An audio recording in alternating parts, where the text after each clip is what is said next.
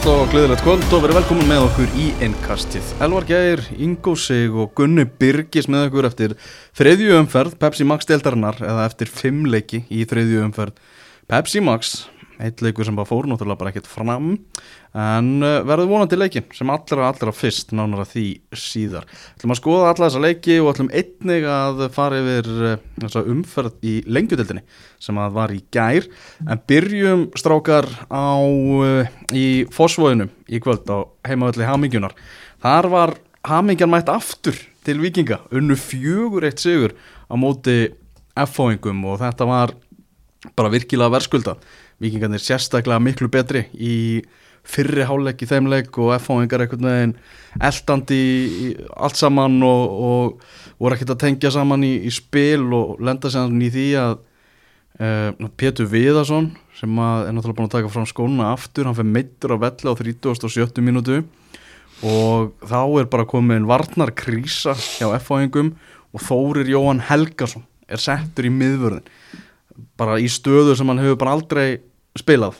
Já, það er aðtöklisvert ah. Það er hérna Já, kannski segir aðeins um, um vandræðagangin í, í, í, í vörnni hjá æfæðingum en þetta er náttúrulega fyrst og fremst bara geggjaði sögu fyrir vikingana mm -hmm. að hérna þeir hafa svona verið ákveðin skotspón og hérna undarfæri vegna þess að byrju ekki vel, bara tvö jættefli í kannski leikjum það sem vilja fyrirfram hérna taka þrjú stig og, og hérna og uh, gaman að sjá bara í kvöld að hérna uh, við höfum daldi verið að gaggrina sagt, skort á kantspili Mm -hmm.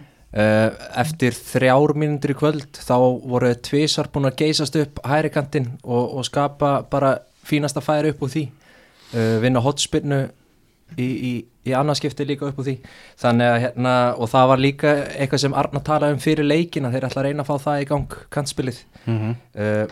Og það skiptir bara svo miklu máli að þú vilt vera þetta possession lið að vera með breytt óvala á vellinum. Og þeir gerðu þetta bara mjög vel í kvöld. Var þetta ekki bara svona fullkomin leikur fyrir, fyrir vikinga Ágúst Eðvald nær sér í tvær stóðsendingar Óttar Magnús skorar þrennu Erlingur Agnarsson nær sér í stóðsendingu uh, Davíð Örn Atlasson sem að, veist, ég eiginlega gerir bara kröfu á að sé bara besti bakkurur í deildinni, hann nær sér í mark uh, og klára það bara eins og sko Já, bara topp strækjar já, já, bara eins og alvöru sendir sko. Já. og hérna, þú veist, þetta var eiginlega bara var þetta ekki bara 10-5 framist það hjá Viking Jú, ég held að það sé bara eða óvægt að segja það. Mm, OMK lestinn með, með, með þrjú mörg skorur hann með skalla í byrjun og s- svo kemur annar mark í hjónu sem er umtalaðasta mark leiksins, það er þegar vikingar komast í 3-0 hann rétt fyrir áleikin og þar er boltastrákur. Það var allt einu mættur þarna. Þráttur að KSI hafi gefið það út í dag að, að þau tilmæli að það eru ekki notaðir boltakrakkar á leikjum í deildinni. Þá var vikingur ekki að fara eftir þeim tilmælum. Nei, en þarf ekki, En bara, sko- að þarf ekki að gera þetta bara að reglu? Jú, tilmæli? en sko en ég meina það voru líka tilmæli ég meina voru ekki tilmæli í þessu samkominbanni hvernig þetta æfa og eitthvað svona veist, og var ekki gert ráð fyrir að mann var að fara eftir því?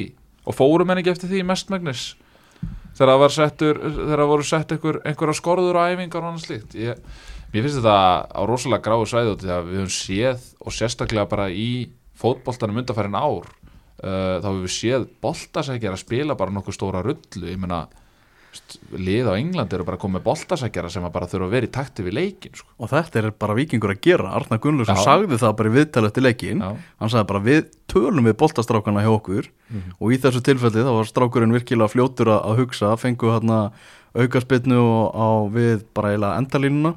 Og hann bara gaf á óttar sem að tóka þetta bara strax. Og þeir voru ekkert viðbúinu þessu F-háingarnir voru eitthvað að hugsa um eitthvað allt annað og boltinn bara rúlaði inn.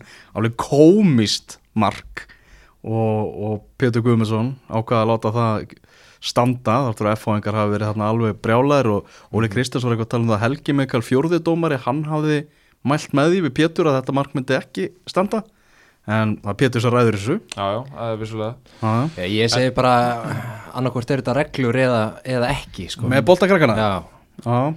ég tilmæli hljómar eins og eitthvað svona Já. færi á að misnota sko. já, en, já En ég meina, ertu ekki, alltaf að, ertu ekki alltaf að spila inn á bara heiðarleika félagana í raun og veru? Er það ekki það sem að Sko, í, það stendur þetta KSI leggur til að hætt verða nota boltakrakka með hefðbundum hætti á leikjum í mistaraflokkum En sko, veist, ég held að sé líka sko fyrst og fremst verið að gera þetta fyrir krakkana.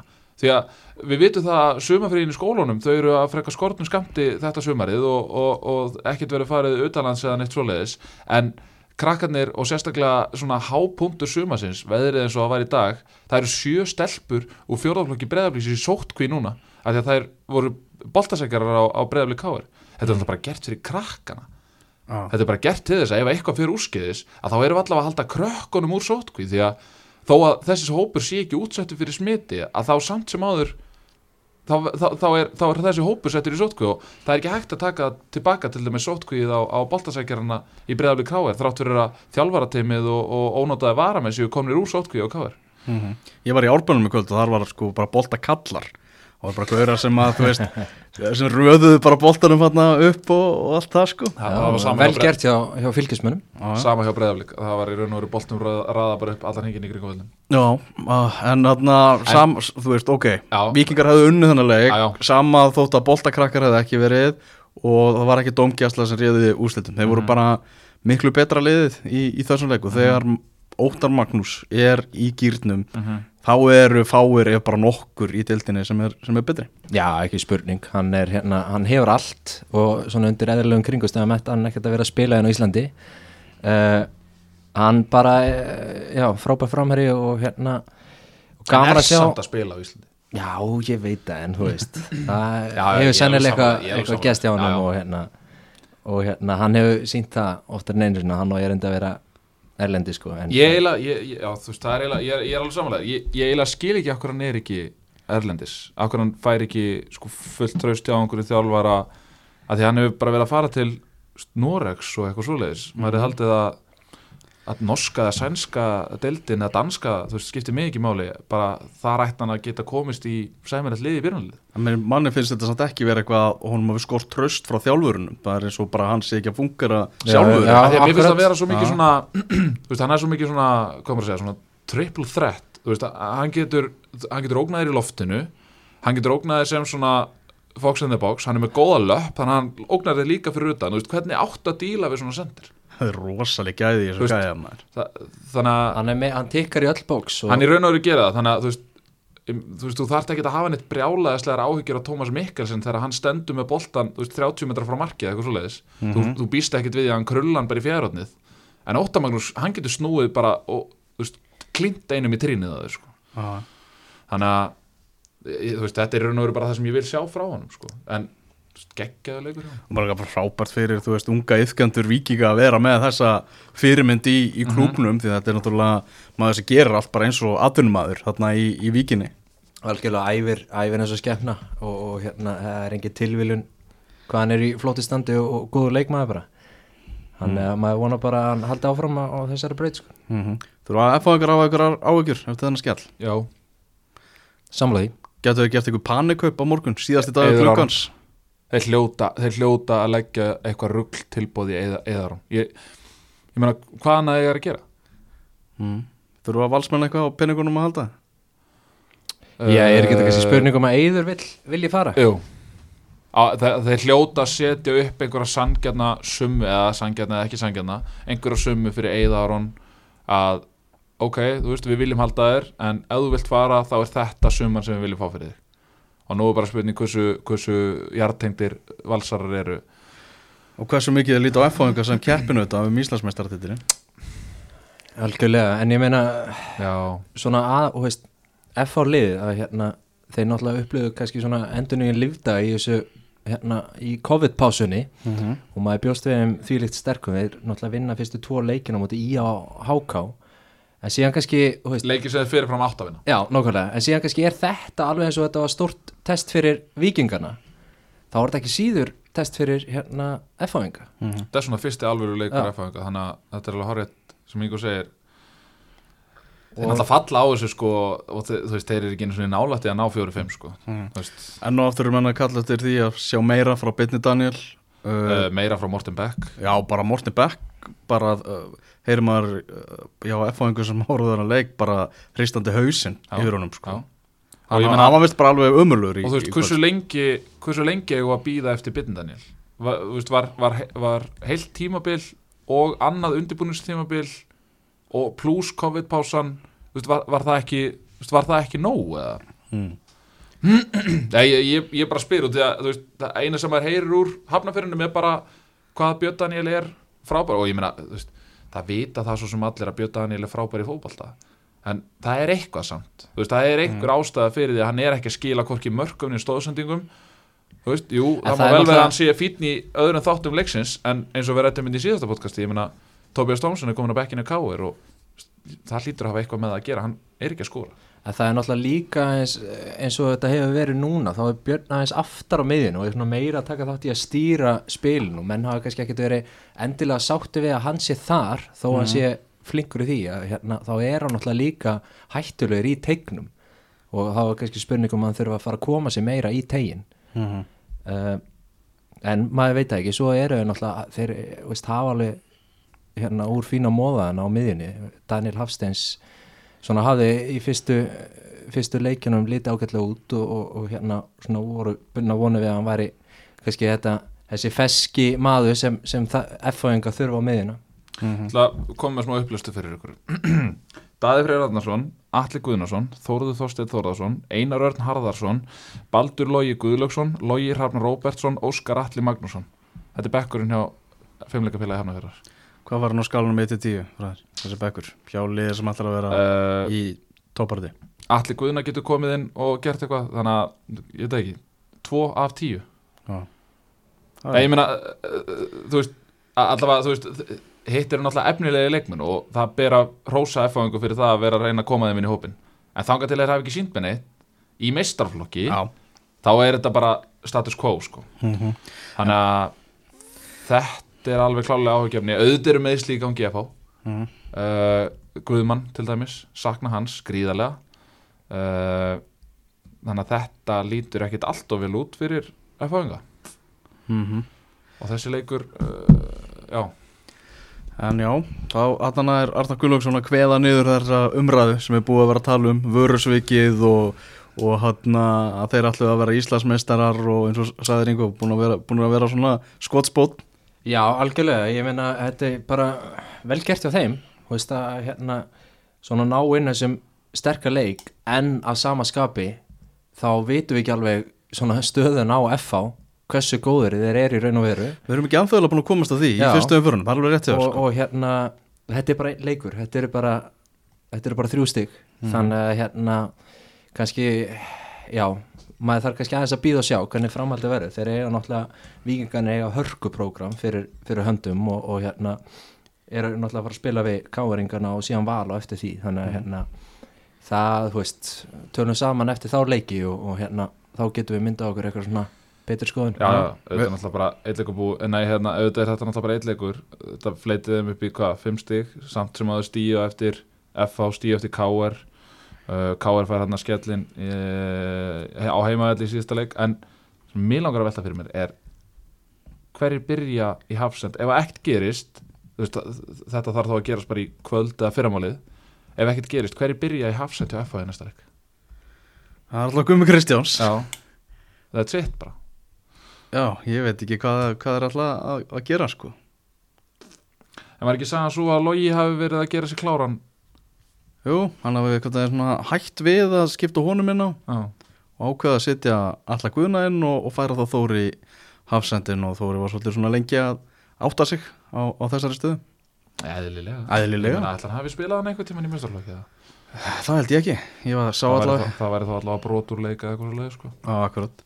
Þann, Þannig, þannig enda þetta. Við fáum við þurfum að melda F-fóingar svolítið meira en við fáum ekki að sjá það samt í næstu umferð því það er átt að mæta stjórnunni í næstu umferð. Þannig að við þurfum að að búa til einhvern leik Er hægt að taka einhvern tvölið sem að Er hægt að gera eitthvað við þetta? Er hægt að taka næsta Hvað, hva, þeir eiga þá geta keppt á móti Þór Káa kvennaliðinu? Það er átt að keppa þannig móti fylki eða eitthvað. Er það förum í árbæðin þar sem að fylkir mætti gróttu og ég skellti mér í, í lautina. Mhm.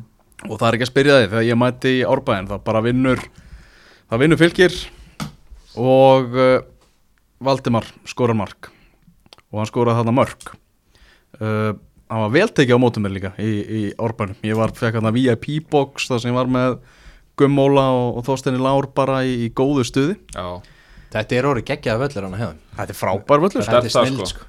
Það er bara mjög gaman að koma hana Já. mér finnst virkilega gaman að koma að það umgjörðu líka bara flott og svona. Já, já, flott veður þarna og, og þarna voru gróttumenn að láta í sér heyri í stúkunni og svo voru þarna var lítil en restuðnismannasveit fylgis með Bjarka Má, handbóltamann í fremstan í flokki og samt Viktor í Lekve. Það er bara, sko, bara heilt yfir litið á, á íþróttir þá er það nú bara einn minn uppáhaldsmaður sko. þetta er náttúrulega geggja eintak sko. Já, þetta er náttúrulega geggja eintak. Þetta er bara fullkitt á, á Húsavíkuöll og, og svo er mættu bara tveimur vikur setna á, á, fullkitt á, hérna, stiðja sína menn í lautinni.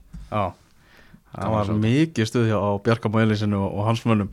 En þessi leikur annars sko framist að fylgis í þessum leik hefði ekki dugað til að vinna held ég bara neitt annað lið í deildinni heldur, heldur en akkurat gróttu.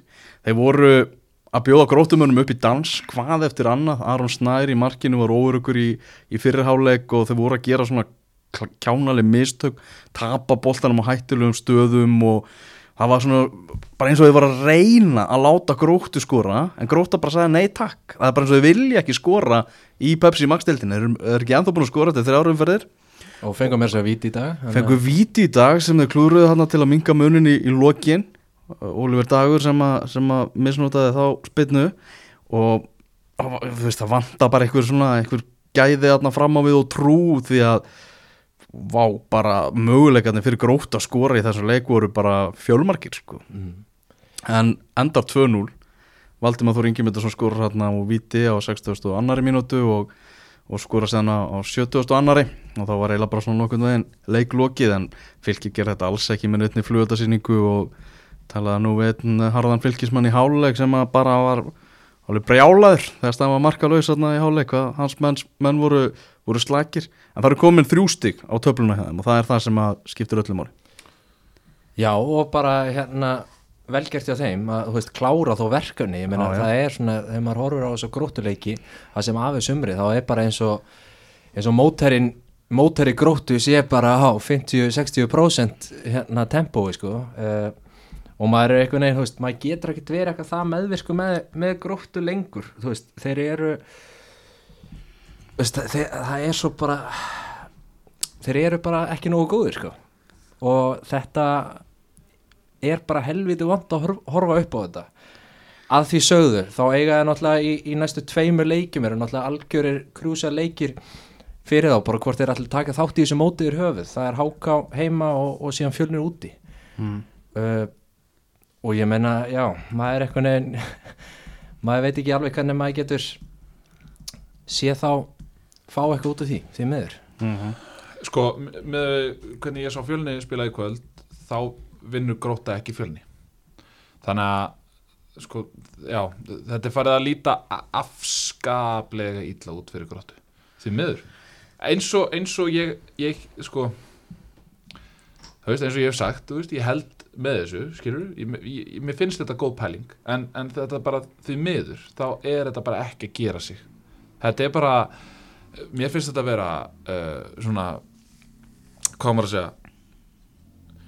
Veist, mér finnst, finnst leikmennir kannski ekki alveg hafa bara trú á því að þeir geti unni leiki og skora mörg en það, veist, það má vel vera að það sé illa lesið aðstæður hjá mér en Nei, komum, þetta er bara eins og börn á móti fullónum það er bara svona Já. og, og það var svona svolítið rip, ripnar úr þeim tennurnar sko í þessum fyrstu tveimur leikjum sko, það sem að, veist, þeir lenda bara á vegg grein en ég held einhvern veginn að þeir myndu einmitt koma algjörlega sko dýrvillisverðin í þennan leik. Og eins og alveg segir að veist, fylgir fylgir vildi, að fylgir eiginlega grátbáða sko um að skora. -hmm. og ef, ef, ef þeir geta ekki skora þá ég meina fullkonar aðstæður renn, rennandi blött gras góð, góðveri stafur í lautinni. Ef að þetta var ekki tíminn til þess að skora fyrsta marki í Pepsi-deltinni þá veit ég ekki alveg hvernig það og dett inn sko. Nei, nákvæmlega uh, Ekki samt bara góðar fréttir fyrir fylki úr þessum leik því að það voru náttúrulega reikalega slæma fréttir fyrir þá þegar Helgi Valur meittist ítla þarna snemma í, í setniháleik og veist, ég ætla bara fullir að það þar til annað kemur í ljós. Vonandi, eh, þú veist, er þetta ránt hjá mér en bara ferli Helga Val Stanlíðssonar er, er bara lokið sko. Þetta var bara hans Já, kveðjuleikur þetta, þetta er búið.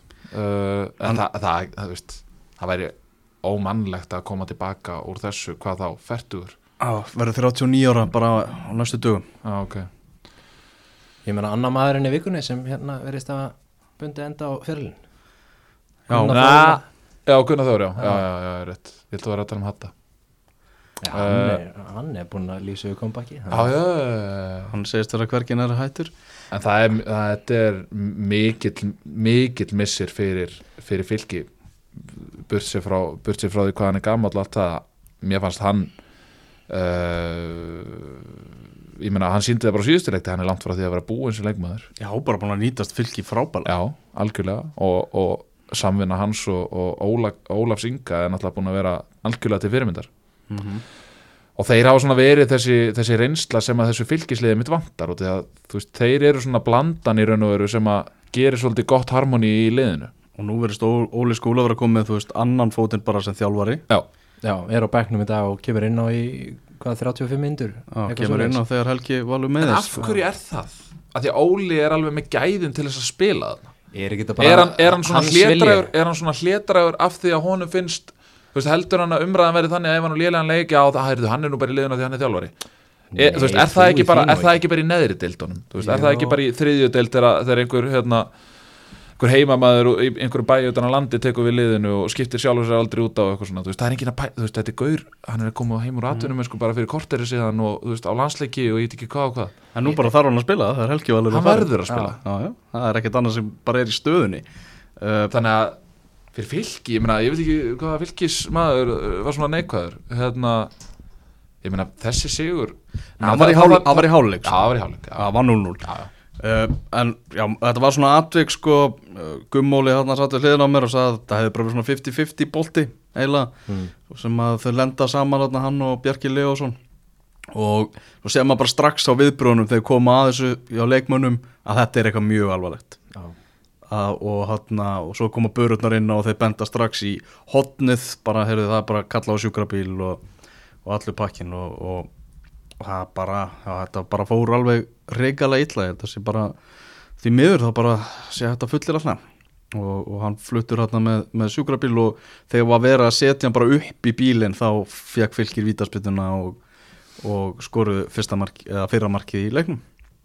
En uh, spurning hvort að fylgismenn ætla að gera eitthvað á markanum eða hvort að uh, þeir ætli bara að blóðga eitthvað unga stráka og hugsa bara við erum ekki að fara að falla úr þessari deild bara nýtum þetta tímabil frekar í að, að koma einhverjum ungu strákum inn í þetta. Já, ég meina með að við stöðuna eins og hann er í samfélagi núna það er svona smá skjálti mm -hmm. að hérna ég veit ekki kannski er eitthvað svona já, hræðsla við að fara að sækja sér eitthvað menn og, og fara að lofa launum og öðru slíku þegar svona staðan er já, já, viðkvæm bara og, og römbi vitni. Maður veit ekki hversu mikið mót að bregða til að fara allt í háa loft sko eitt í þessu.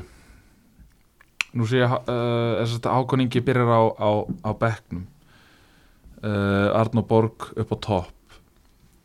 Uh, Ásand Arnóri Gauta. mm, af hverju fær Hákoningi ekki tröst ég veit ekki bara fullt, bara fullt tröst af hverju fær hef, hann ekki bara hefur hann sínt hann spila á blikum í- Hefur hann hérna- sínt það að hann er að spila hverja mínútu hjá fylgisliðinu?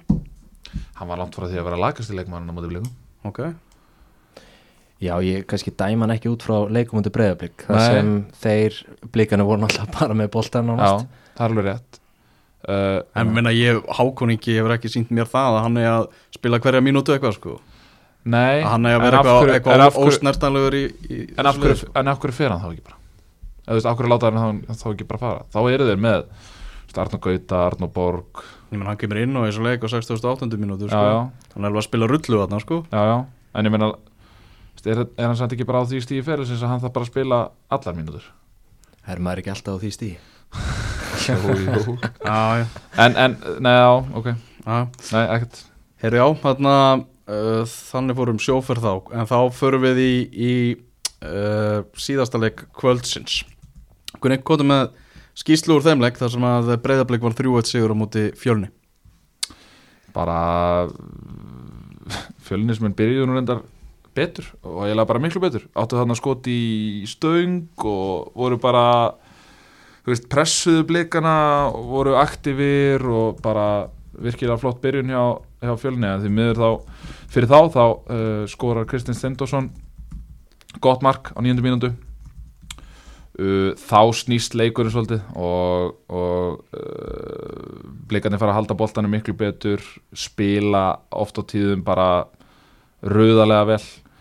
Uh, svo það, það er svona um kannski miðbygg fyrirháleiksins það sem að uh, það sem að mér finnst leikurinn bara týna öllu tempói. Það, og það finnst mér því miður vera, vera eiga upprættu sína til Egil's Arna sem að að mér fannst flautaði oft á svona kannski smávægilega brot ég, ég, ég væri til í að fá tölun á því ég bara er ekki með hana, ég væri til í að fá tölun á því hversu ofta flautaði aukarspilna í svona leik. Mm. og flæðið var eiginlega bara ekkert og þetta einhvern veginn held áfram út allan leikin það voru þarna nokkurir á gulu hjá fjölni sem að hefðu alveg geta fókið út uh, vítaspinnu dómarnir uh, voru að mínum að þetta tveir af þremur réttir uh, þetta var klálega hendi uh, í, í markinu í, í, í fyrsta vítinu uh, vel varði hjá Antoni Ara þar. Þó að vítið hafi nú ekkert verið frábært. Brynjólfur Darri tógaði hann eftir að hann kemur inn á Ætti að kalla hann Darra? Var Brynjólfur Andersen. Brynjólfur Andersen. Og hérna, það var rétt. Það, það brot uh, á sér staðin í teig. Svo eh, eitthvað óskilnilegt vítið þannig til lokin en sko ég skil fjölnismenn alveg smávegis að vera pyrraða í fyrirháleik því að uh, mér fannst línan mjög skrítin. Uh, Ási sem er nú að, að, að, að svona dagfarsprúðu maður að eðlisfæri, hann er nú ekki mikið að æsa sig en, en hann sá tilefni til að æsa sig og þá veit maður að það er eitthvað alveg í gangi. Uh, mér fannst blikarnir fá að gera meira heldur en, en fjölnismenn og uh, svo letu fjölnismenn það pyrra sig og þá fóru þeir að brjóta svona hvað maður að segja, talsvett ljótari brot. Uh, Ingebergur Kort hefði alveg geta fengið raukt fyrir að fara í uh, Anton Ara löngu, löngu eftir að hann var búin að senda boltan fram á við bara einbyttu brotavili svo fær Tómas, Steindors, nei, hérna, Tómas Mikkelsen gullt fyrir uh, sko að reyna að rennitakla boltan og enda í allagunnari þannig að þá ertu búin að skekja línuna aftur. Þannig að þetta var svona að einhvern veginn komst ekkert flæði í þetta en, en leikurinn samt sem aður breyðaflik stýrir eins og þeir gera mikið á krossum, mikið á lélögum krossum og uh, tvö góð mörg hjá veist, hefði þetta geta dottið þannig að fjölnir hefði fengið eitthvað úr þessum leik? Menna þau klúra víti? Nei. Ekki þannig Það er bara breyðablik hefði alltaf klárað þetta. Sko, jú, þetta hefði getað dottið þannig ef að þeir hefðu byrjað leikina að skora hugsa ég. þá hefði þetta geta þeir, þeir byrjuðu þetta fyrstu fimm mínútunar þá var bara blikandi komist ekki við miðju. Ok, en svo eftir að þeir fá þessu markið að þá snýst leikurinn algjörlega og eftir það fannst mér fjölnir uh, kannski ekki alveg erindi. Það, þú veist, en aftur á móti það sem mig langar að aðalega þessum leik er tvent að annað en með gróttu til mis að þá finnst mér vera hugmyndafræði. Mér finnst vera pæling á bakvið það sem að fjölnir er að gera. Þeir eru að reyna að spila út frá marki alltaf. Og það er pæling veist, það er, það kemur sending út á hafsend, hafsendin setur hún út á bakur. Bakurinn setur, brýtur tvælinur og setur hann upp á sender, senderinn skilur hann eftir niðri svo kemur þriðja hlaup og eitthvað svona. Mm. Þa, það er eitthvað í gangi og þannig kemur vítið. Veist, það er bara, það er bara basic, eða, veist, það er þetta uppspil sem þeir eru það kemur löngsending út til hægri og einn á eitt staða sem að myndast þar og Robert Dóri missir man ekki hvað það misti, Jóngista Ström eða, eða sennilega Ström. Var það ekki hann sem fiskaði vitið, jú, það er rétt. Uh, uh, það kemur bara eftir frábært uppspil.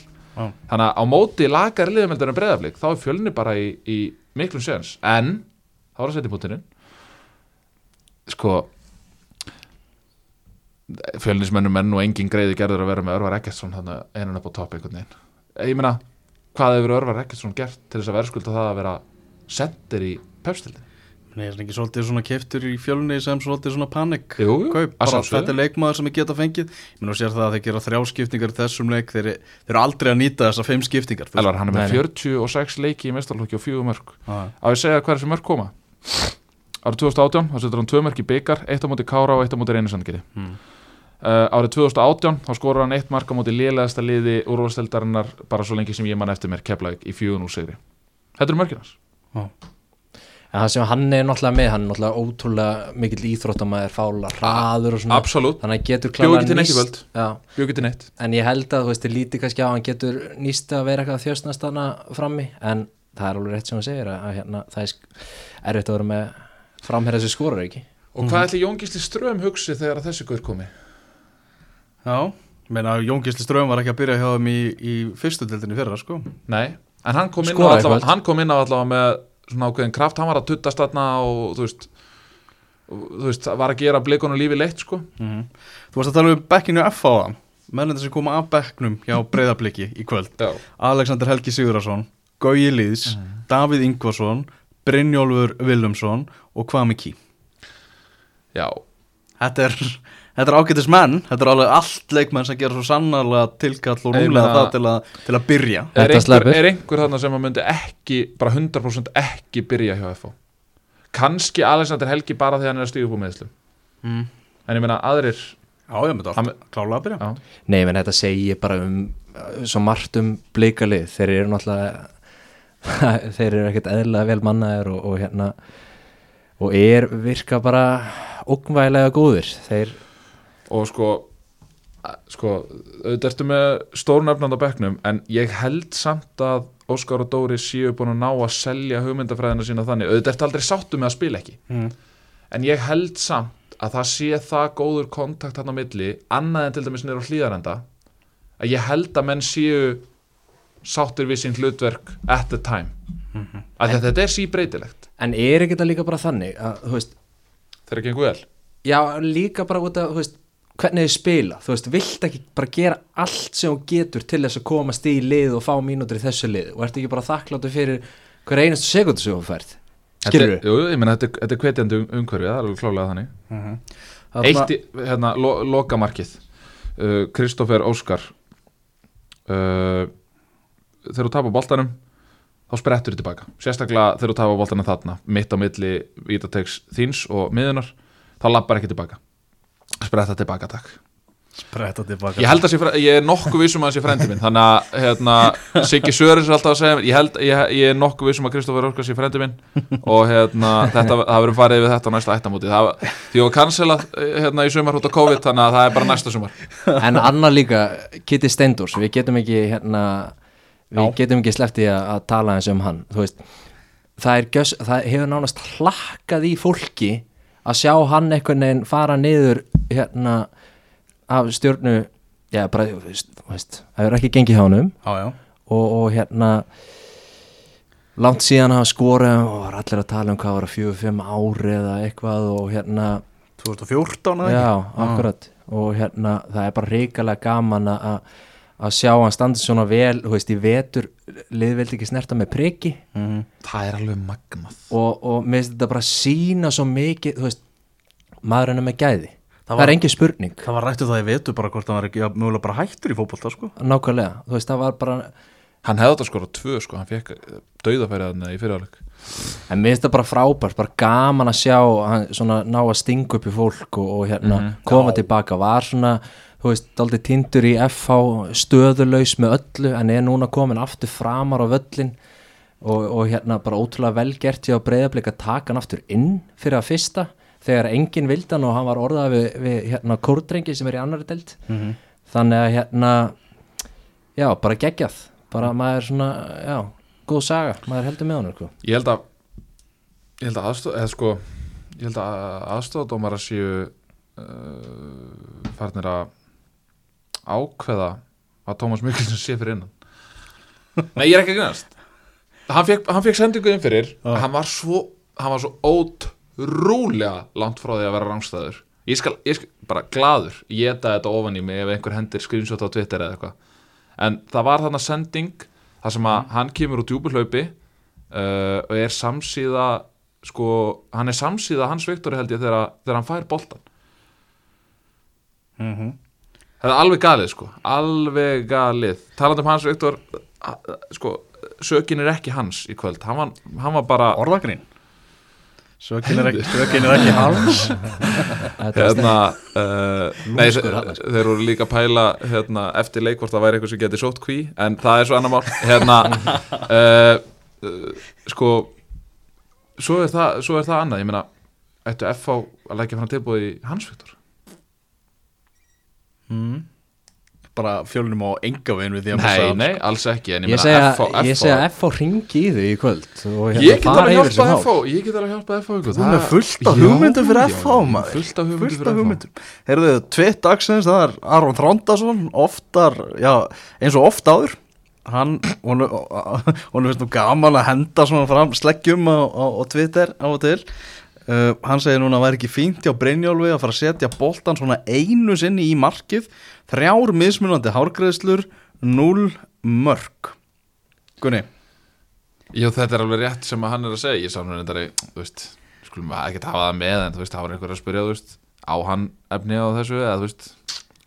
Já, jú, ok, höfðu það þannig. Hérna uh, Ég ætla að hleypa Brynlúfi Dara næst í klippingu bara þegar hann skorar Það þarf að halda þessari greiðslu að Já, ég held við höldum bara í þetta. Jón Dagur Þorsteins svarar hérna boring Aron Þrándarhóttnið og, og, það, segir Aron þið eru flotti félagarnir, þú sér um að skora og hann um að pósa fyrir veist en, en er þetta ekki akkurat það sem að deildinni hefur vantað í mörg, mörg ár? Einhver svona tweet frá Aroni Þrándar Já, nei, nei. karakter Lítryggur karakter var það sem ég ætlaði að segja Gaur með mismunandi hárgrist Nei, þú veist eh, Sko, málið er að þú veist, ég get sagt hvað sem er hér Brynjólfur Andersson er ekki að fara að hlusta á það sko. Þú veist, Nei. hann, þú veist, ég, hann er ekki á Twitter held ég hann gefur okkur líka bara þú veist fullt er að- spellum á .net sko. Já, að að hann vilja er að- allir sjá nýjustu greiðsluna sko. Hann er að taka móti nýju stöffi í pandagang hérna, hann er að fá sokka veit ég og, og húur og svo er hann að gefa út hálsmenn líka Það er svona geggjað. pandagang Hvað nálgast maður þetta? Hvað, hvernig getur Ég held að það þessi að, hérna, ég held að hann og, ég held að þeir eru í þessu hann og Guðjón Pétur og Alfons Samsted, ég held að þessi að byrja með vefsíð Þannig að það er frí auðlýsing hér, ég held að það sé pandagang.com næsti leikur á blökum er svona síðasti þeirra leikur í þessu vegferð þeirra að keppa móti öllum liðunum í neðri hlutanum í, Já. í upphæðum og það er káa næst og Á svo, Akureyra velli. Ah, Það verður forunhefilegt Við ræðum þetta hverja einasta sumri elvar. Já, hann er ömulugur Nei, býtu, nei Við þurfum ekki að ræða það. í Við þurfum ekki að ræða það. Þetta er á Akureyra velli. Hvað er að klárast á laugadeginu? Getur þú sagt með það? það er, það er pollamót og Pollamót og ennetmót. Þú veist, það eru, þú veist, það eru mörg þúsund manns í bænum. Var flókið að hafa þennan leik á lögadagskvöldi? Var það flókið?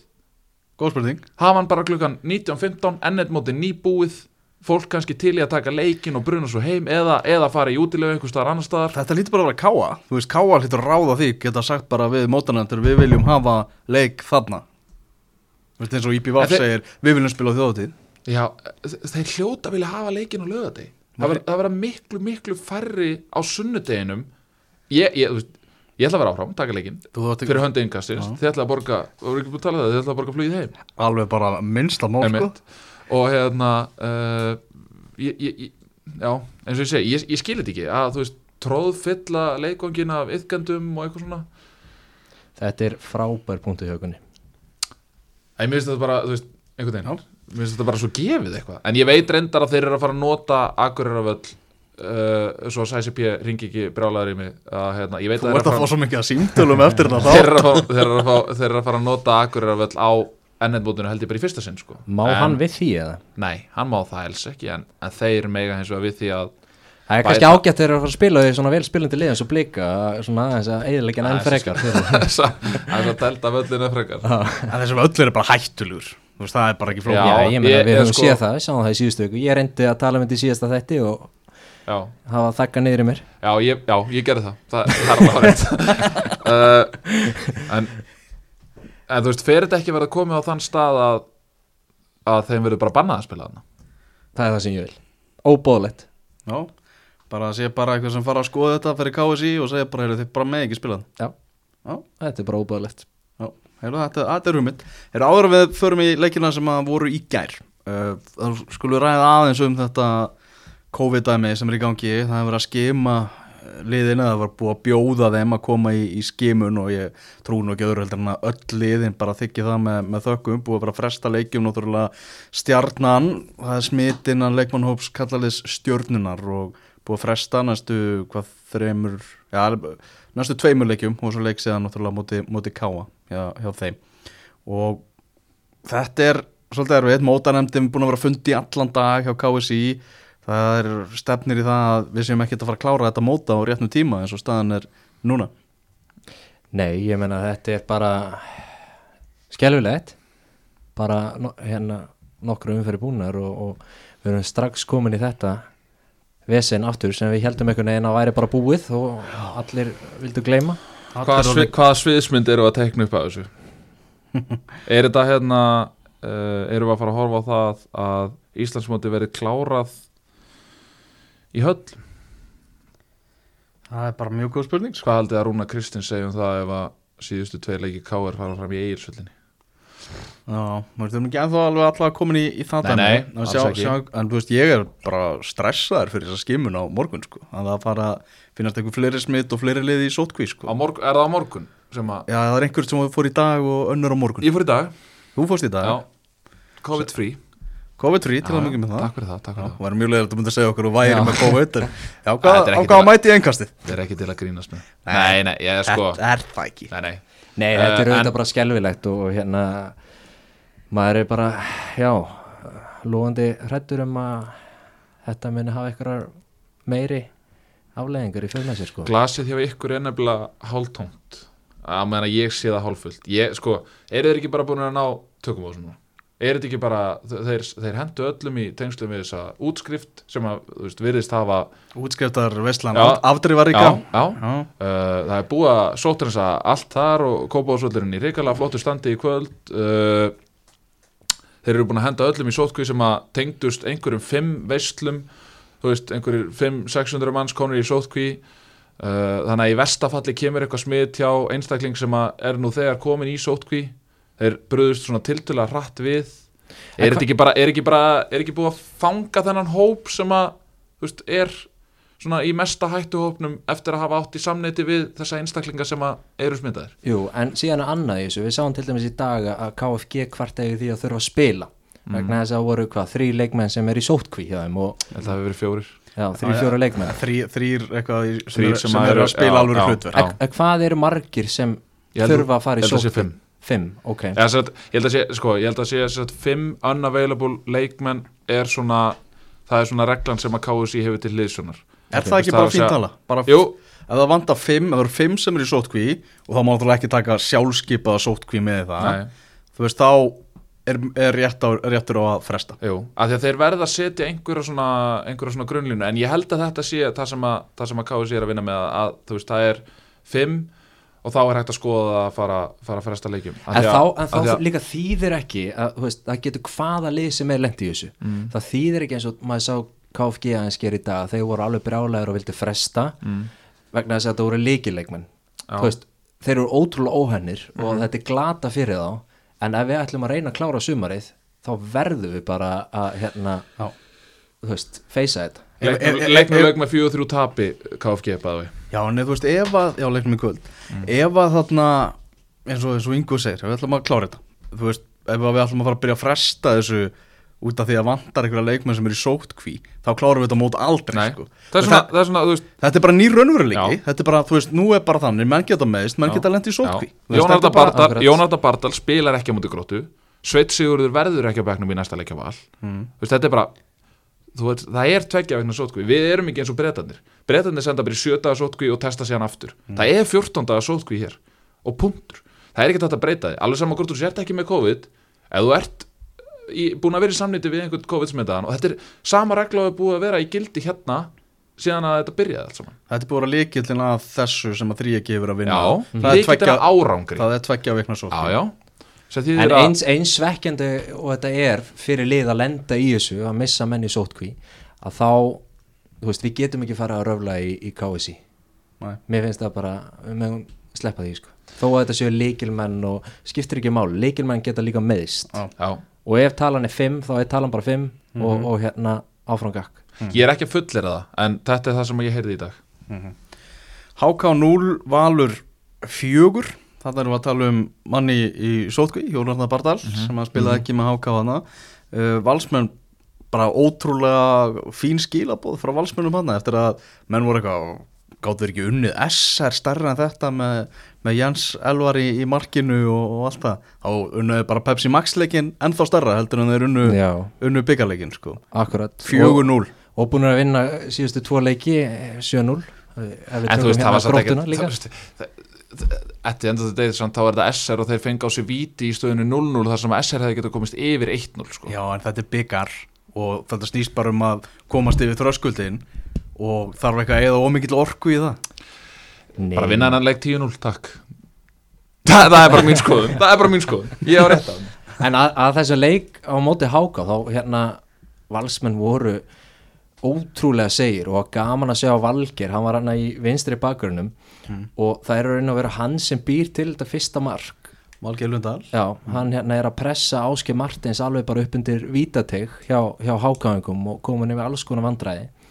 Og hérna, og það er kannski svona það sem engjandi, engjandi valslið í dag og hefur verið engjandi fyrir þá. Það er svo rosalega vinnu sem þeir hlaup og hlaup og press og pressa. Þetta er, all, það er sko hrikalega gaman að sjá þetta og, og hérna þetta var bara eins, eins verðskuld og að gerist. Það hérna valsmenn voru bara frábæri þeir eru öðruvísi að þeir hafa verið undanfærin ár þeir eru beinskettir þeir gefa hérna fleiri langa bolta og, og svo framvegis.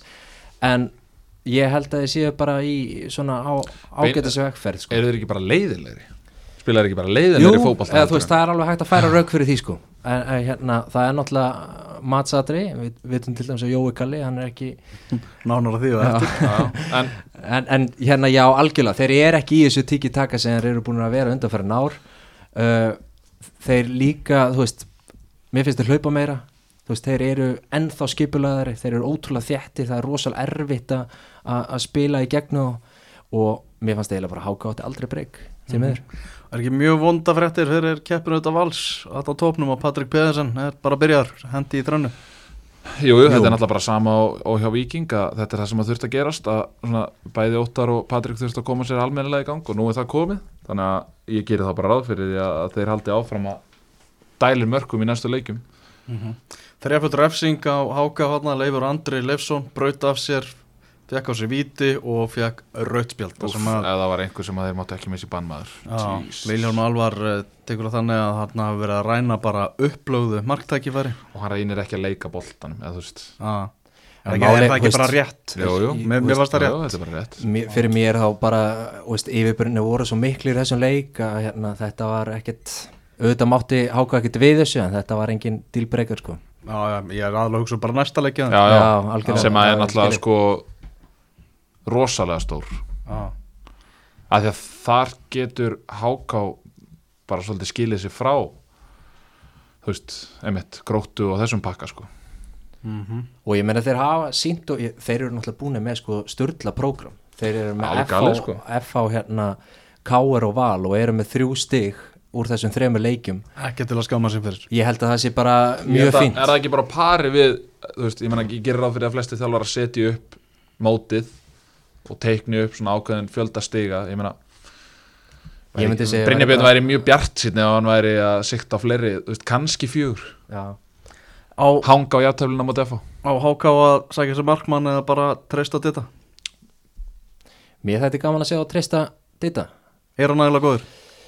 Já, ég meina þetta er náttúrulega bara veist, veist, þeir, þurfa, þeir, þurfa bara, þeir þurfa bara að sætta sig við það sem að þeir, þeir þurfa bara að taka ákvörun og standa með henni þeir geta ekki sko hvað maður að segja, þú veist, þeir, þeir, þeir, þeir geta ekki kent einhverju um ég meina, ef ef þeir taka sensin á þetta og hann stendur sig, þá er það bara flott en ef hann klikkar eitthvað, þá er það þú veist, þeir þurfa bara að standa og falla með þeirri ákvörun sem þeir taka. Mm. ég met það sem svo að Háká þarf meira á sender að halda þeir eru komin með Stefán Ljubicic Já, hann var nú maður sá, það var hann var rosalega greinilega ekki það me- meira metin en það en, en hann var tekin út af þegar, hérna, leifu fyrir hverju Já, og maður sá það í þessum leik að að, hérna sko, það er kannski erfitt að tala um að þeir hafi saknað hérna Bardalsins þrátt fyrir hennan eina leik en þú veist vinnuframlægið sem við sáum hjá sem við sáum hjá hann á hérna, móti Kár það skipti svo rosalega miklu máli hérna, fyrir hákáðingana og Stefan var rosalega langt frá því að, að, hérna, að veist, vera á, pari við, við Jónarna þar sko. Samanlega því Enda Stefan bara alls ekki þannig leikmaður já, algjörlega Mhm. Þannig á Valgi Lundal, hann, hann nýtti tækifæri vel, við sáum það náttúrulega bara á undirbúinstjöflunni, því sem undirbúinsleikin þegar að spila þið, hann er alveg klári að spila góða rullu í þessu valsliði. Já, hann er tilbúin og, og hérna bara gaman að þessu Eh, Eitt sem ég, sem ég vissi ekki færi einhverjum knái, var hann bara bekkjaður? Meitur hann var mittur Já, ok. uh, En það sem skilabóðin alltaf Valsmenn spila með tvo vinstri bakverði á bekknum. Uh, Annar kemur ekki inn á þegar hann er mittur En hinn kemur ekki inn á meðan allir, an, allir aðrir á bekknum fá að fara inn á Sem að skilabóðin er alltaf mjög skýra Að Ívar Örnum þá á förum frá hlýðar en það gerir ég ráð fyrir. En það er bara spurning uh, hvaða lið takur tólið í kvöld ég gerir ráð fyrir því að það verður allavega einhver trafík í símanum hans. Hann ætla að vilja fara, hann, uh, Já, já, alltaf ég meina, núna, núna er þetta búið. Veist, þetta, þetta, þetta var í raun og myndi ég segja svona síðasta hálmstráði sko. það er bara spurning, þú veist ég veit ekki, HK, IA Káa. Ía. Heyrðu, endum, þetta á, á skipaska á IA KR kríunni. Mhm. þar sem að uh, það var mikið læti, mikið talað um dómaran hvernig varst að tala um það að við varum ekki nægilega vondur við dómaran, getum við ekki bara eða dómarana í, í þáttunum hingað til getum við ekki bara sagt að Einar Ingi hafi verið hörmulur í þessum leik? Ef að Óskar Rapp hefði látið sér detta þegar Óskar Óskar Örn það er nú verið gaman að Óskar Hafnið hefur í þessu stöðu en, hérna, ef að Óskar Örn hefði látið sér detta í þessari stöðu Er það að tala um vitadómin? já, sem er náttúrulega svona kannski það sem að, þú veist, það er vendi punktur leiksins. Mm. ef hann hefði látið sér detta í staðin fyrir að reyna að standa í fæturnar og klára færið hefði þá ekki alltaf bara verið víti og einhvern veginn enginn að tala um þetta? Ég meina hann grípur augljóslega í hendina honum, hann skilur eftir höndina þetta er bara eins og skilja eftir fót og einhver hleypur á hann. Þú veist, það er alveg mikið víti. Ok. Ósámála með það Já, mér finnst það bara ekki neitt sko. Nei. Það var en rosalega ég meina, eða, þú veist, en, en, en, en af hverju að- að, þú veist, hvaða varnatilbyrur er þetta samt þú veist, af hverju er hann að setja höndina svona langt út uh, ég meina, hann er í raun og veru bara að bjóða syndin í kaffi sko. En þetta var ekkit vendipunktur leiksins Pálmir áttu þurfa bara áttu ömurlega vítaspildu og ég pældi svona því hvort það væri bara fair play Pálmi, bara hugsaði bara þetta var aldrei víti Nei. bara, nei. nei, nei. uh, uh, en mér fannst samt leikmenn láta dómar að fara allt og mikið í töðunar þessu, jú, jú, þú veist, hann var ekkert Er, spes. er það eitthvað nýtt að hann var að- ekkert að- spes. Er eitthvað nýtt að skaga með látið dómarana fara í tjóðana sér? sko, er þetta ekki meira er þetta ekki meira ég, ég, þetta, þetta mingaði ekkert með, með brottkværi Sigga Jóns á bekknum. Nei, nei, nei, alls ekki. Þeir eru konum Arnur Snær hann Já, já, hann er, hann er bara eins og, hann hefur aldrei gert neitt annað en að spila fyrir Skagan Það tekur virkað þátt í þessu sko. já, ég meina, ég, ég horfði á sko, hérna, En sjáu færin sem að bara sko skagamenn er að klúðra í svona Já. leik Nýti færin líka já, sko. Það er sálsög þetta kemur alltaf, þetta kemur alltaf í bakið þar og þú nýtir ekki færiðin Já, já. En þetta töð af íabæknum Jésús Kristus, það fyrir töðunar á mér. Þeir eru gargandi frá fyrstu mínútu sko. Já, mér finnst nú meira Mér finnst þetta svo skrítið approach í leik. Já, líka, veist, sjáum við viðtölum við Jóakal eftir leik og hann er búin að spila fimm er- leiki við KR síðustu hérna tvö ár, tapaði með öllum. Já. og hann er að er þetta setja út á alltaf- leikstil KR Já. og þetta er bara, þú veist, Gera hann þetta ekki alltaf bara á móti káir Ég, ég man ekki eftir einum öðrum viðtölu við Jókala þar sem hann er að gaggrina anstæðingin En svo kemur að leika móti káir Og þá fer hann að gaggrina anstæðingin Mér finnst þetta svolítið Hvernig finnst þér þessu umjáli, Ingo? sko mér finnst þetta voðalega skrítið. Svona ef ég er rosalega kurtið sko. Mér finnst þetta eiginlega óbáðlegt hann hérna ef við ætlum að tala um eitthvað fagufræði Já.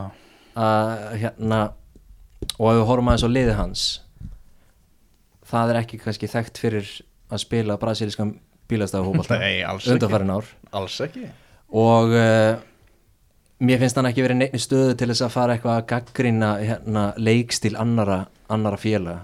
Ég held að hann ætti að byrja að, að reyna að vinna káir Mhm. og þá getur hann komið og kokki í viðtal en Mér finnst það sko- afskaplega típ og mér finnst bara gott hjá Rúnar og Bjarnar þeir svarir sér ekki En hvað er Jói kalla reyna? Hvað er hann að reyna? Ég nefnilega veit það ekki Ég veit ekki sko Ég veit ekki hvort hann sé að afvegaleiða umræðuna Hvort hann sé að reyna að, að láta alltaf umtalið eftir svona leiki þar sem að ég skæin bara, veist, þetta var bara daburt Já. heilt yfir, ég meina eins og þú segir þeir nýti ekki færin sín, klaufalegir oft á tíðum varnalega, þetta var leikur það sem þeir alveg geta stóðli stíi og í staðin fyrir að við varum að ræða það núna hvað myndi betur fara þá erum við að ræða þetta. Þannig að þú veist, ég veit ekki, er hann að, er að afvegalega umræðuna með því að koma með einhver svona blammeringar eftir leik sem að eiga kannski er rosalega móti flöt-. Já, ég veit það, en eiga kannski lítið flöt á sér.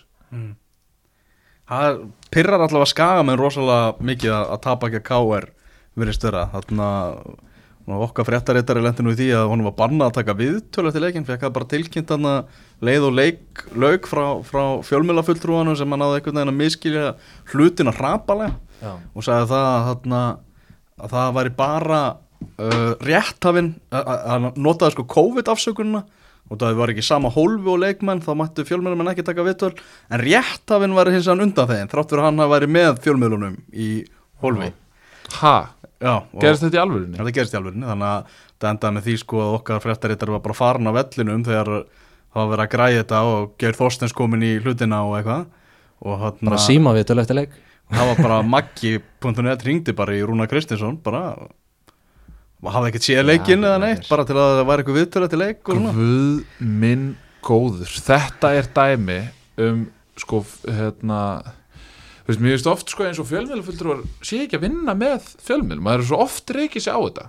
Maður er svo oft reykið sér á að sko maður er einhvern svona, maður er einhver byrði á Þú veist, þegar þjálfarðar eru að tala við fjölmjöla þá eru að tala við sína stuðningsmenn sko að, það eru stuðningsmenn sem eru að til viðtölunum við þjálfarna sína til að, til aðtuga hvað, hvað þeir, þeirra teika á leiknum og allt það sko. Arsene Wenger sagði uh, sagði sinni að hann næði aldrei jafn vel til leikmanna eins og í gegnum viðtöl. Því að mano í mano þú veist, maður á mann, þá get ég alveg sagt við þig að mér finnst þú flottu fjölmiðlamæður skilur Mm. en ef ég kem á einhvern svona opinberan vettvang og segi, heyrðu, mér finnst alveg ekki frábæð fjölmiðlamæður þá er ég að ná til þín út af því að ég, þá er ég að tala við miklu fleiri. Mm. á meðan að maður og mann þú veist, sé, menn taka takmarka, takmarka mark á því skilur munið munið að þetta er Heimi Guðjón sem FH, hann tók alltaf svona einu svona tvisari tímabili talaði nýla við liðið sitt í gegnum viðtöl, F-fólið FH lið F-fólið. en þarna, skamenn hafa viðurkjönd mistök og lofa því að þetta mun ekki koma fyrir aftur. Já. þetta, þetta freka pyrrandi þarna í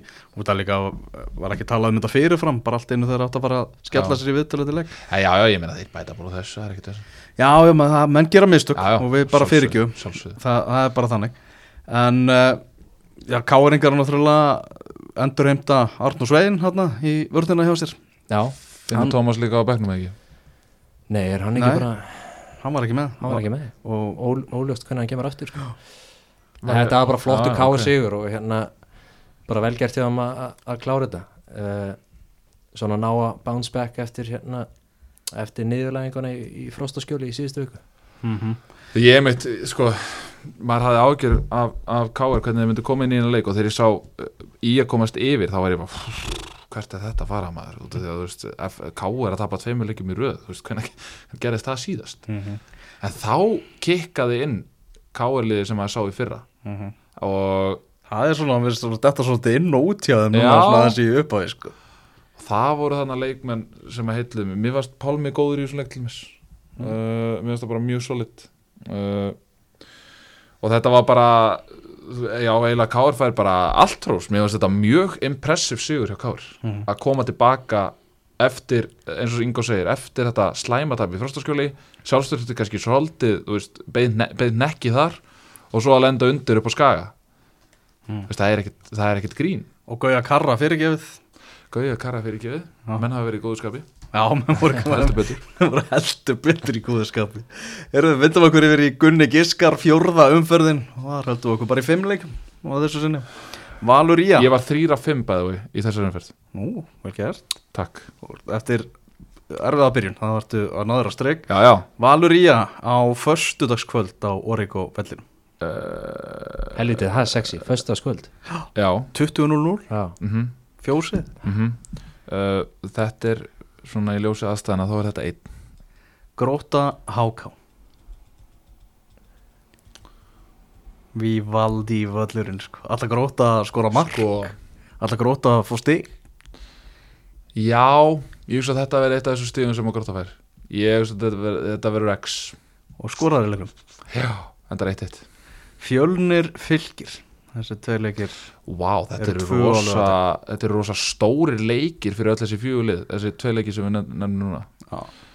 Uh, Ég held að fjölnir vinni fylki 1-0 rosalega dýrmætt stigi búið það Já, meistaravellir klukkan 5 á lögata KR Vikingur Ég er spenntur við henni leik. Þetta er leikur. Þetta er markalegur.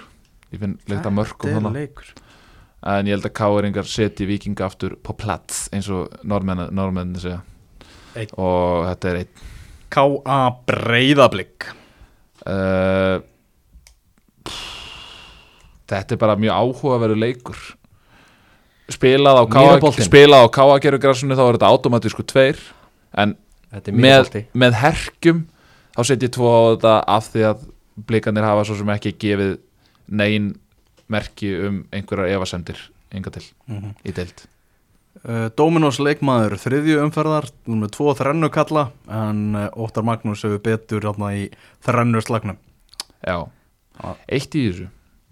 Hvað þarf Anton að gera? Nú var Gísli Eyjásson valin maður leiksins. Hvað þarf Anton að gera til þess að vera valin maður leiksins? Hvað Ég get ekki talað fyrir penna okkar á völlunum. Þeir fá Hmm. bara frjálst Hmm. hlutverki að er, velja er Egil minn búin að skila skýslu fyrir kvöldið? Já Nei, því hann var valin maður leiksins í, í kallkerunni á, á, á Kópavóðsvelli Gísli Eyjóls, Gísli Eyjóls Já, Gísli Eyjóls Þegar skýslan er komin frá Ok. Akli Gísli Eyjóls, hann er sammála Ok. þessu vali og Viktor Karl Einarsson. Jæja, ok, jæja, gakk Já, Þetta er svo, jæja Heyrðu, við ætlum næst að skoða eins uh, þessa lengju deilt og leikina sem að voru á, á sunnudeginum. Það var heil umferð Leiknir fáskursfyrir Þór endaði 2-3 aðal umræðafnið í þeim leik og náttúrulega tveir leikmenn Þós uh, bara báðust undan því að spila þennan leik í ljósi þess að leiknir fáskursfyrir var að spila á móti stjórninum daginn og verið að tala um og náttúrulega stjartan í sóttkví núna þrátt fyrir að já, sé leikmaður hafi ekki spilað þann, þann leik sem er, er Nei. með staðfest smitt En hann æfði hann æfði og Já. Veistu ekkert vita hvort það séu fleiri síktir í, í Nei. stjórnuliðinu það En er þetta ekki bara, bara- er bara skiljanlegt Þú veist, Sérstaklega í ljósi þess að ég vissi ekki að þeir vera að vinna í helbriðiskjörnu já, Ég held að maður getur ekki alveg sett sér aðstæður fólks í þessu málum. Þú veist að hérna það verður bara að hafa þetta eins og það vill og maður verður að bera virðingu fyrir því sko þannig að Ég meina, ég get sagt bara fyrir mitt leiti þegar veiran kemur þetta fyrst Ég heima með nýfætt bad Já. ég, bara, Maður útilokkaði sér bara frá umheiminum sko. Maður er ekkert að taka henni á þetta Svo náttúrulega eftir því sem maður, maður veit meira um veiruna að hún leggst ekki á lítið börn og annað slíkt þá náttúrulega kannski hefur maður aðeins slakað á klóni sem maður ánáttúrulega geta verið að gera en, en ég get alveg getum við ekki alveg skilið þetta? Ég meina við erum ekki að fara að lasta eða það? Nei, við gerum það nú ekki. Það er hérna Þú veist, maður þekkir ekki aðstæður fólks og, og maður verður bara að bera virðingu fyrir, fyrir ákvörunum Jóhann Helgi Hannesson með segumarkið í þessum leik. og hann, hann tölti bara inn á, tók fyrirlega bandið sett hann, búinn leikur. Já, með Þórs uh, logoið húðflúrað á sig. Og svo bjargaði Þór á línu í uppáðtíma það Já. ekki að koma í jöfnun og mark hjá uh, nýluðum leiknis í, frá fáskursfili en Þósarar þeir byrjaði þetta á byrjaði þessa deilt á því að taka 6 stig. Já, þannig að það, það verður ekki tekið, þau verður ekki tekið, tekin að þeim um, en ha, rosaleg, rosalegt strögglaðum í byggarnum eitthvað Ég meina, og töpuður ekki á móti ægin um árið sem Jú, að það þurfi jú, þriðdeild. alveg rétt Þeir, Jú. hafa, þeir eru alltaf svona skrýtnir í byggarnum sko. En sko, er þetta ekki, þú veist, fyrir lið sem að eru svona kannski í barátunni, þú veist, ég veit, þú veist, eru Þór með nægilega gott lið til þess að fara upp um tild, þú veist, eru þeir alveg, þeir alveg þar? Ég er reyndar, jú, reyndar eftir leiki helgarinnar að, veist, ég er svona, er ekki alveg seldur á þetta IBF dæmi, Já, förum við það hérna rétt á þetta uh, er svona í ljósi þess, þá svona, jú, það er kannski möguleiki fyrir Þórsvarana, en akkur setja svona lið ekki bara allt sitt púður í byggar? Fór Þór ekki, Þeir- já, Þór fór í byggar og í stund. Þeir fóru í náttúrulega í já, ég held að bara að þú veist sæti tvö í, í, í deildinni er við erum bara þingra Já, Já, já. og er bara galopið sko. Já, já, uh, Magni 1 Sæ- fram 2 Ég heyri það að það hefði ekki verið gæðunum fyrir að fara í þessum ágæta fótballtaleg en framarar vinna þarna skrampi flottan sigur. Alexander Már Þorláksson með Já. mark aftur skora líki í fyrstu umfyrinni Já, já. Helviti stert fyrir hann að- að að vera bara að byrja að malla inn. Þetta er bara frábært fyrir hann. Já, ég meina bara alveg sendið sem skora mörg og það verðist ekki skipta neinu máli. Þú veist, maður var eitthvað að tala um að þetta hefði kannski verið stórt stökk fyrir hann eða eitthvað svoleiðis en Það er kjæftæði, bara alls ekki held ég. Kjæftæði sko. Bara, Þannig að ég er allavega mjög allt sumar Já, sko. Já, ég er allavega mjög hrifin á þessu leikmanni og ég meina með hann og Fred og þú veist þess að gauðra, þetta framlið er bara Það er bara sexy, nokkuð Albert djúsi- Hafsteins. Já, já, nokkuð djúsi að sjá sko. Í bikarleika- Ísól, flottu markmaður og, og Ég sá það í byggarnum á móti íjörnum daginn og þá voru þeir að kvíla mikið af mönnum og voru að spila á, á ungum strákum. Og það er fullt af spennandi leikmönnum hann í, í samverðinni að núna sko. Það sem að þeir eru náttúrulega að lenda í vandræði með í yngri lokunum helst er þetta relocation dæmi sem að er bara ekki alveg að ganga upp sko, ah. þeir eru að æfa held ég bara tvískipt það er eitthvað í ganginni í Safamýri það er eitthvað í gangi Úlfarsárdal og þetta er svona einhvern veginn félag sem er í algjöru einhverju- einhverju skilnaða svona- bara. já, þetta er svona eitthvað, við veit ekki alveg hvað það á að vera og fóröldarnir eru að deila um forræðið og þannig að ég vona bara framvegna að það fara að leysast úr þessum ágrinningi ég, uh, að því að þú veist fram með þannig félaga það á bara að vera að gera kröfur hérna á þetta leysi eftir tild Víkingur Ólafsvík 0, Keflavík 4 rosaleg byrjun á Kefla, Keflvíkingum á þessu móti er með markatúruna 9-1 eftir, eftir tvo leiki og uh, ein, einhverjur ólsar að tala um það að þessi úrslit gefa ekki rétt að mynda leiknum en það vist þannig ef að skoðu er tölfræðu leiknum þá voru bara Keflvíkinga miklu betra lið í, í þessum leik Já, ég meina þegar þú tapar 4-0 þá, þá held ég að það gefi alveg nógu nákvæm mynd af leiknum sko. já, já, já, já. eitt áhugaverðast við þetta er uh, sko að Harley Villard og Gonzalo Zamorano byrja báðir á bekknum hjá Olsen Já, þeir voru, ég veit ekki alveg hvort það var út af meðslum eða hvað, en þeir kom allir inn á, þá voru einhverju fjóri sem, sem svona fjóri leikil menn eða, eða góðu spilarar sem fóru á bekkin og ég, ég næ ekki alveg utan um þetta, ég hérna var, var menna- bara Jón Páll að leggja áherslu á byggarinn eða? já. Já, já, þá, veist fór í framleggingu náttúrulega á móti Vikingi Reykjavík sko. Sem bara, þeir eru náttúrulega bara háspilsfræði að klára að Já, en ég meina samt, þeir eru hann á heimavelli á móti keppleik, þetta er, veist, það er alls er er eitthvað hluti þetta er þá- stór leikur eða er eða er sér einhverja hluti. En ég veit ekki, með svona ef það voru engin meðsli eða eitthvað og hann var bara að bekkja, þá svona lítur þetta út eins og hann ætlaði að vera svaka sniður og, og passa upp á leikjála og, og þannig sem veist, ég veit það ekki, en veist, þetta er úslita bransi og þeir tapar 4-0 mm vel gert hjá Keflvíkingum áhugaveruleikur á föstudaginn Keflavík eh, leiknir?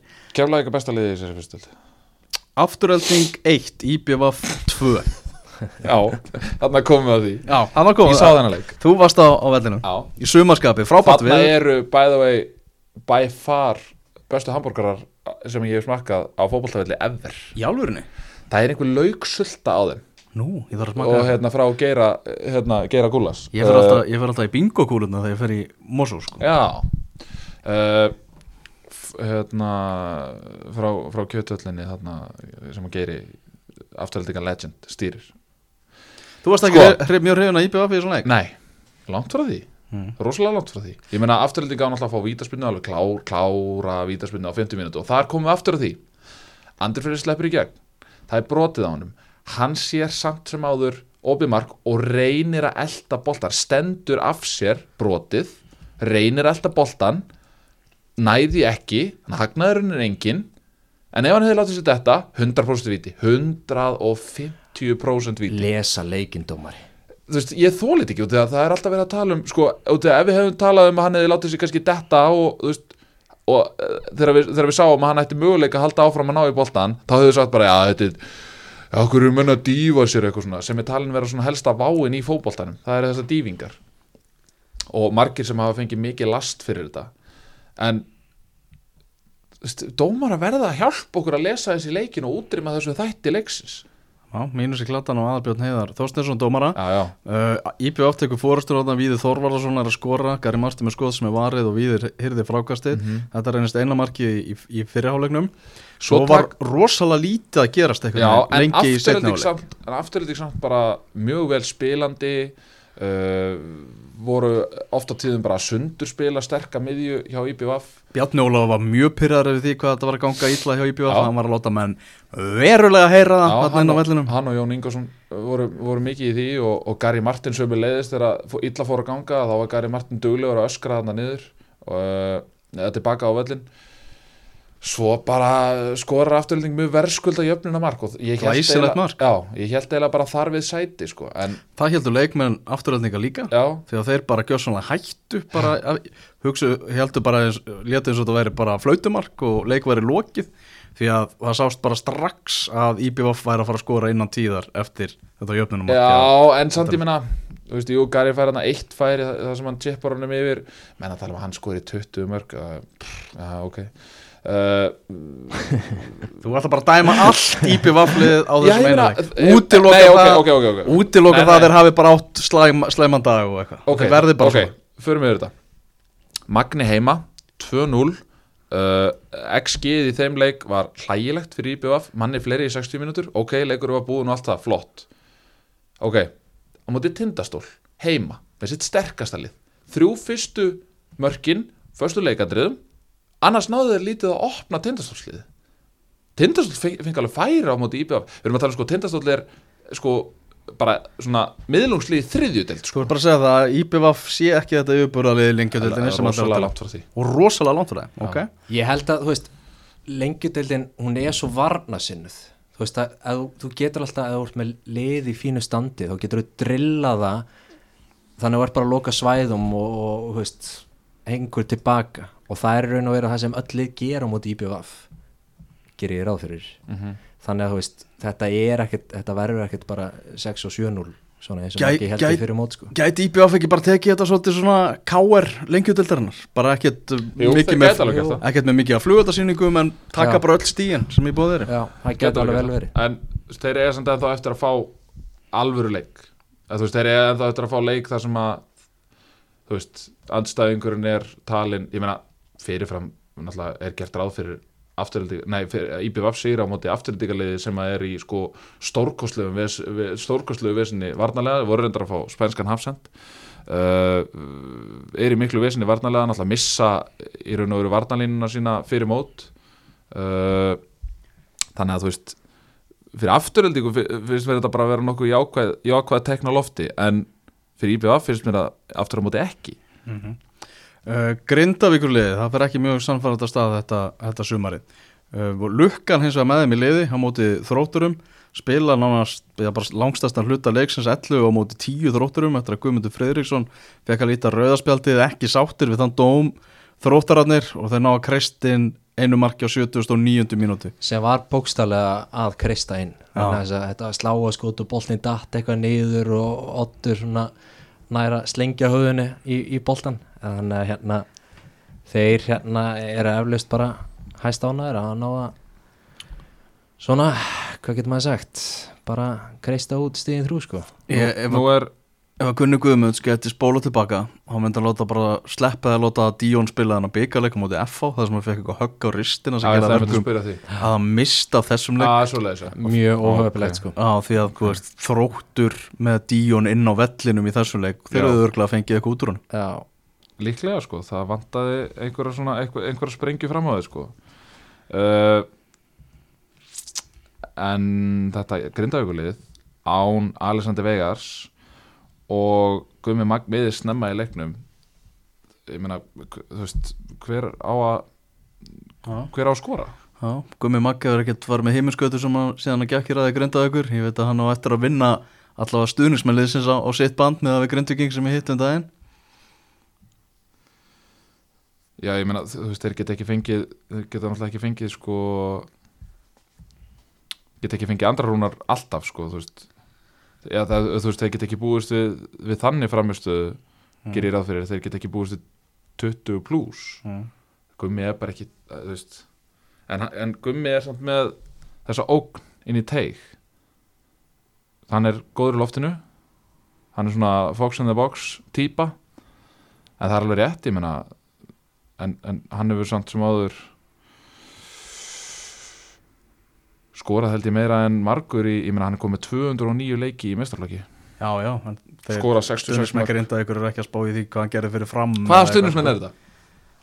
Ég ætla ekki að nefna það En hann sagði, það var stundismæður grindaði sem sagði mig bara Gummi Maggi er búin að vera mikil hann, mikil vonbriði þá á undirbúinustímbilina já, bara það sem hafa séð til hans í leikjum með Grindavík vantalega, bara Ok. okay. ekki flóknar en það. Ok, og, þeir, og hann vildi fá hann Sigurður Bjartur að hann er bara upp, í, upp á topp í nýjunni. Það er nú bara svona gumma til varna, það var bara þrý leiki búni sko. ég Hann- veit það. En ég meina, það er já, ég, ég var bara að segja, hann á eftir að vinna, eftir að vinna, vinna stöðnum sem að grinda ykkur sýst Örvar Eggertsson er starter upp á topp í liði í pepsidild sko, já, ég er aðdáðandi gumma. Já, ég er aðdáðandi gumma og, og, og, og, og það er alveg klárt mál sko. Já, já. En, veist, en þetta er alveg rétt, ég meina veist, á meðan að er sender, bara- á meðan að sender er ekki að skora þá fær hann alltaf gaggrinni, já, já. alltaf. Það bara eins og, eins og hérna eins og Tobias Stómsen í síðasta podcasti. Og hann var dóttur hann bekkin í, í síðasta leik. Og það er vendalega út af því að hann er ekki að skora Heyrðu á Dómus Nóavellinum þá uh, urðu, varð markalust jafntefli milli leiknis og, og, og vestra. Þetta eru óvænt úslit Já, óvandist úslit umferðanar, eða ekki? Kom Bjarni Jó bara setti punktin í vasan og trillaði heim. Maðurleiksins á mínum að þið, Bjarni Jú já, það bara, þú veist, áallun vestra gekk alveg fullkomlega upp, sko. Þeir voru ekki mættir þarna til að spila eitthvað tiki-taki sambabólta. Enda kannski ekki með liði í það já, en þú ert samt með eitthvað átta útlendinga inn á. Já. hvernig fótbolta átt að spila það, er einn pæling, sko. Já, já. En á hinn bóin bara vel gert hjá þeim að ná í þetta stig og sem var bara algjörlega fyllilega verðskulda sérst líka á því að Gí Smith markmaður á leikni en það sem maður leiksins. Uh, bara náðu ekkert að opna vestramenn, þeir náðu að fara í taugarnar á leiknismönnum. Voru svona, já, það er nú ekki fallegt myndbandi sem gengur um nethheima að vúk Já, ég hérna það leit alls ekki vel út Já. en ég heyrði, sko en svo, geti, eru- svo, svo er alveg hægt Já. að, að, búa til annar myndband já, þar sem við sjáum vestramenn í alls konar dífum og látalætum og, Já, já. og, og, og fiska dómaran í einhverja vitleysu sko það Það er er alveg hægt að klippa, það er alveg hægt að klippa það líka saman sko. Það er líka, já, það eru nokkra myndaserjur að gangu netið þar sem eru tvær liða perinsins en, en hérna, en það er eins og það er uh, Sammi var ekkert að klippa það saman fyrir Nei. sína Twitter-notendur sko. Nei, En leikni þarf að finna, veist þeir, Núna eru þeir uh, svona kandidatar til þess að vera í toppartinu og þeir verða að finna leiðir til þess að brjóta niður svona, svona múra sko. Varna múra. Núna en er vestri stóra liði sko. er vestri uh, þeir, þeir, þeir eru ekki eitt af tveimur lögustu liðum deltarinnar Nei, það held ég ekki. Leiknir og Magni er alveg klárlega slakari Já, ég myndi halda það. Já, Já, ég er þetta að sá vestra á móti þrótti að í byggandum að komið mjög hvað voru það var alltaf annað að sjá, sjá það svona var miklu meira lífið þeim sko Þannig að, já, þetta, þetta, þetta var óvænt og, og leiknir að fara held ég núna, þú veist, þeir eru að fara að kepla eitthvað í næstu tveimurleikjum Það er hjúts Þannig að þeir verða bara að segja En er það ekki bara fullkomið fyrir þá? Eða þú veist, er það ekki, er þetta ekki eiginlega besti tíminn? Þetta er bara fyrir, þarna fær liðið bara Já. Mhm. tækifæri til að sína það, ætlum við að vera í barðunum að fara upp eða ætlum við að láta bara aðra vera, um það Þú sko. veist, ef þeir hefðu unnið vestra 6-0 hefðu þeir þá kannski haldið bara að þeir séu kannski aðeins betri þeir eru Nei. Ekki? Æ, ég veit ekki, ég hef alveg þegið sigur í þessu En við erum að tala um að eftir tvær umfyrir þá eru fjögur lið með sex stig sko. Það er betra, þú veist, þú talar um þegar ég sé, þú veist, það er betra heldur en að tapa Þú veist, þú, Já, já, stegið þú alltaf steg, sko. Það þarf að taka það já og en, setja það en í fyrra þegar leiknir var svona ógeðslega nálætti að fara upp það voru stig að tapast á móti Njarðvík, á móti afturöldingu á móti þrótti Alltaf hafa eitthvað með huga að fara að gera. Það En það var líka á móti afturhaldíku þá var einhver auðlið sem leitt reyka sig út eftir tíma. Já, einhver helviti sálviti eða þann leik sko. Heyrðu, Eða dómar Já, ná, leikjan á þessu. Menn verða að léttir sko. Heyrðu, já, En það, það er rétt sem ég segir, það eru hvað, fjögulið með 60 Já, þetta er stefnir í spennandi deild. Þetta verður stórskemmtileg deild, alveg áfram. Ég fór á fór, fór á, tvo leiki, kíkti líka í Mosó og, og þetta er þetta er skemmtileg deild sko. Hversu mörgum klössum ofar er þessi deild heldur en deildin í fyrra? talsvert Er það ekki? Með, bara núna eru liðin búin að spýta aðeins í lóan og Já. ætla, sér að, ætla sér að fara upp Þú sko. ert komið með, sko, lið sem eru bæði komið meiri reynslu þarna Þú ert komið með lið sem er að styrkja sig Þú komið með IPVF niður sem að fer niður með sama hóp og styrkja sig mm. Þú ert með Keflavík sem er að greinilega í einhverju svona alvöru vekkferð Þannig að bara heimin og haf að mínu viti, sko. Mm. Gefur kannski lengjudeldinni meira plásuna í þessum þáttum í, í framtíðinu fyrst að við erum alltaf að missa eitt leik úr umferðinni núna og allavega á næstunni. Betur. Það, það er bara þannig. Herra, við erum allavega búin að sprengja skalan hérna með, með tíma í þessu. Uh, þökkum fyrir hlustununa heyrumst eftir uh, fjóruðu umferðina. Takk fyrir í kvöldstrákar Takk sem við